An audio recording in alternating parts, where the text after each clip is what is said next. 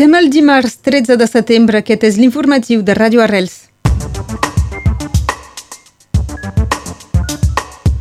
Operació contra els mosquits de tigre al barri de Maioles aquest, aquesta nit passada.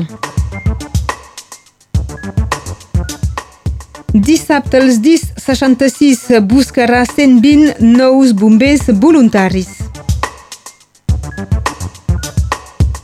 Tres jugadors dels Dracs han rebut sancions després del quart de final contra Leeds, mentre el club ha decidit no guardar Julien Ilangui.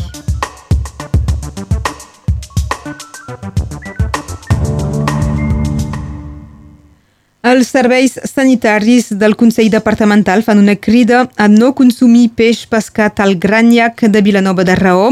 Fa uns dies que s'ha detectat la presència d'un cianobacteri que pot produir toxines. Les activitats de navegació continuen autoritzades i és possible banyar-se sense problemes al Petit Llac, el llac d'esplai que no està afectat pel fenomen. Aquesta passada nit ha tingut lloc al barri de Maioles a Perpinyà una operació d'eliminació de mosquits per pulverització d'insecticida. És l'Agència Regional de Salut que ha demanat la realització d'aquest tractament en un carrer del barri després de la descoberta d'un cas de dengue, chikungunya o de zika. Es tractava d'un tractament preventiu excepcional amb l'objectiu d'evitar una cadena de transmissió local d'aquestes malalties. Més informació amb Albert Noguer. L'objectiu de l'operació era el mosquit tigre, una espècie coneguda per ser vectora d'aquestes malalties. La intervenció del barri de Malloles de Perpinyà ha consistit en una polvorització d'insecticida des d'un vehicle i en intervencions amb aparells portàtils en els espais exteriors de les propietats, tant privades com públiques. Els productes utilitzats eren a base de piretroides, a base de matèries actives que es poden trobar també en els productes antimosquits domèstics que es poden comprar dins les farmàcies. Tots els veïns concernits havien estat avisats de l'operació d'un banc pel soroll molt important de les màquines i de l'altre per respectar diverses consignes de seguretat. Concretament, les finestres havien de ser tancades durant l'operació i almenys una hora després. També s'ha demanat no deixar roba estesa a l'exterior i, finalment, cobrir piscines, punts d'aigua amb animals de sang freda com peixos o granotes i desplaçar, si s'esqueia, ruscs d'abelles. Moltes gràcies, Albert. Aquest dissabte 17 de setembre el Servei Departamental d'Incendis i Socors organitza una jornada de reclutament per trobar 120 bombers voluntaris. És gràcies a l'augment del pressupost dels DIS 66 aprovat pel Consell Departamental que es podrà augmentar el nombre d'efectius. Per altra banda, també es contractaran 16 bombers professionals, uns esforços indispensables, ja que el nombre d'intervencions dels bombers no para d'augmentar, sigui per la lluita contra els incendis com pels socors a les persones. La bellesa del Soler, Armel Revel Furcad, ha rebut el trofeu de la digitalització i del numèric en una cerimònia celebrada a la Torre Eiffel de París, on es recompensa els territoris. El premi és per la realització de la ciutat digital del Soler. Divendres passat es va tornar a fer una reunió del comitè tècnic entre els sindicats ensenyants i l'inspector d'acadèmia després que els sindicats rebutgessin la carta escolar el divendres 2 de setembre. Entre les dues reunions hi ha hagut algun canvi entre les escoles afectades per als tancaments, uns canvis que no han convençut els sindicats que van tornar a rebutjar les propostes a l'unanimitat, però que en aquest cas ja s'apliquen. Escoltem Jean-François Nogués, co-secretari departamental del sindicat FSU SNUIPP. Ha fet eh, doncs, vuit tancaments, sis de classes i dos de, de llocs de mestres que, que ajuden els alumnes amb dificultats d'aprenentatge i vuit obertures, doncs una cosa amb vuit tancaments, vuit obertures. Eh, l'inspector no tenia, no tenia res, eh, res més eh, per obrir classes eh, als llocs eh, on podien. Per nosaltres això no, no, no ens satisfet eh, perquè hem fet propostes per obrir eh, classes a, a escoles ho necessitaven a Argelès, a Llupia, a Colles de Fenolleda, a, a Perpinyà, i això no, no, no s'ha pogut fer, i doncs les condicions de treball i d'aprenentatge dels alumnes no, no seran bones aquest any i, i per tot això eh, hem votat en contra una altra vegada i els altres, eh, les altres organitzacions també. Doncs eh, farem la rentrada així i decidem que al mes de, de febrer, quan hi ha la, la reunió per preparar eh, la rentrada 2023, eh, els mitjans siguin suficients. Eren les explicacions de Jean-François Nogués, el co-secretari departamental del sindicat FSU-SNUBP.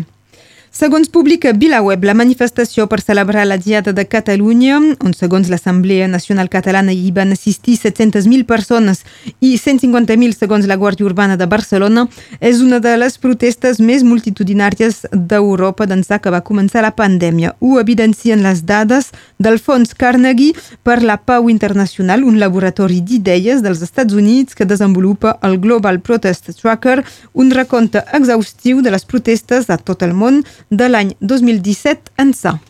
El cap de govern d'Andorra, Xavier Espot, ha declarat que cal fer compatible un avenç dels drets sexuals i reproductius de les dones, és a dir, també l'avortament, tot mantenint i preservant les institucions andorranes. Actualment, l'avortament a Andorra és il·legal en tots els supòsits, inclosos els casos de violació, de malformació del fetus i del risc per la salut de la mare.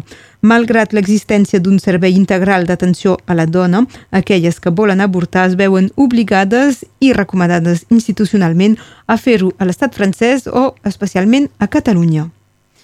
És avui que el Comitè Consultatiu Nacional d'Ètica, creat ara fa un any, ha de publicar el seu informe sobre el dret a morir dignament i les propostes de legislació sobre l'eutanàsia a l'estat francès. La Comissió Europea té previst limitar el preu del gas importat per reduir la factura energètica. L'opció està lluny de fer l'unanimitat, fins i tot va revelar la setmana passada les divisions entre els 27 ministres encarregats d'energia. El cor del problema és l'envergadura d'aquesta mesura, si s'ha d'aplicar només al gas rus o a totes les importacions. A Suècia, l'extrema dreta es perfila com la segona força política del país. En un escenari sense precedents, la nit electoral va acabar amb un lleuger avantatge per la dreta liberal conservadora i l'extrema dreta sobre les forces d'esquerra. Cal però esperar els resultats eh, finals que s'haurien de publicar dimecres, ja que els resultats són ajustats. Passem als esports. En rugby a 15, l'USAP deslocalitza avui el seu entrenament a l'estadi Jean-François Embernon de Puyestres. La sessió començarà a les 10 del matí, durarà una hora 30, serà oberta al públic i s'acabarà amb un intercanvi entre els jugaires i els seus seguidors. En rugby a 13, si divendres la temporada esportiva dels dracs catalans es va acabar als despatxos, encara hi ha molt de moviment. La comissió de disciplina ha sancionat alguns jugadors després del quart de final contra Leeds. Jill Dodson serà suspès tres partits a inicis de la pròxima temporada quan ja jugarà amb Warrington. Dylan Napa ha tingut dos partits de sanció i finalment Mitchell Pierce un.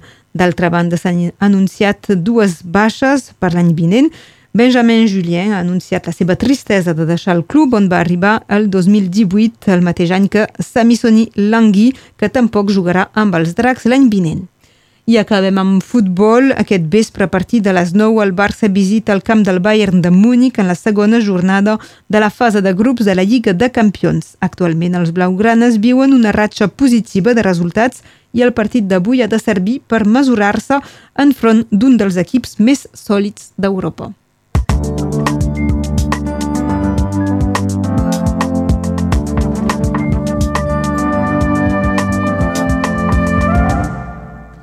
Passem ara a la previsió del temps amb l'Enric Balaguer.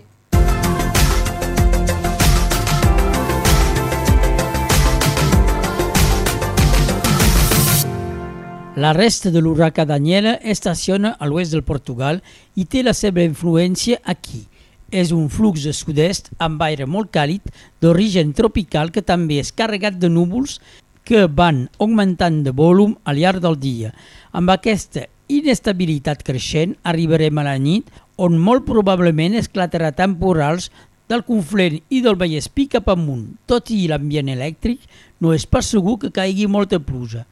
Les temperatures màximes són encara altes, 22 a Formigueres, 24 a Eina i Enveig, 26 a Castell, 29 a Prada, 30 a Moloternera, 31 a Tuí, 30 a la Torre del Bisbe, 31 a Reiners, 28 a la Manera, 29 a Calliure, 31 a Parres Tortes i 28 a Collers de Fenollet.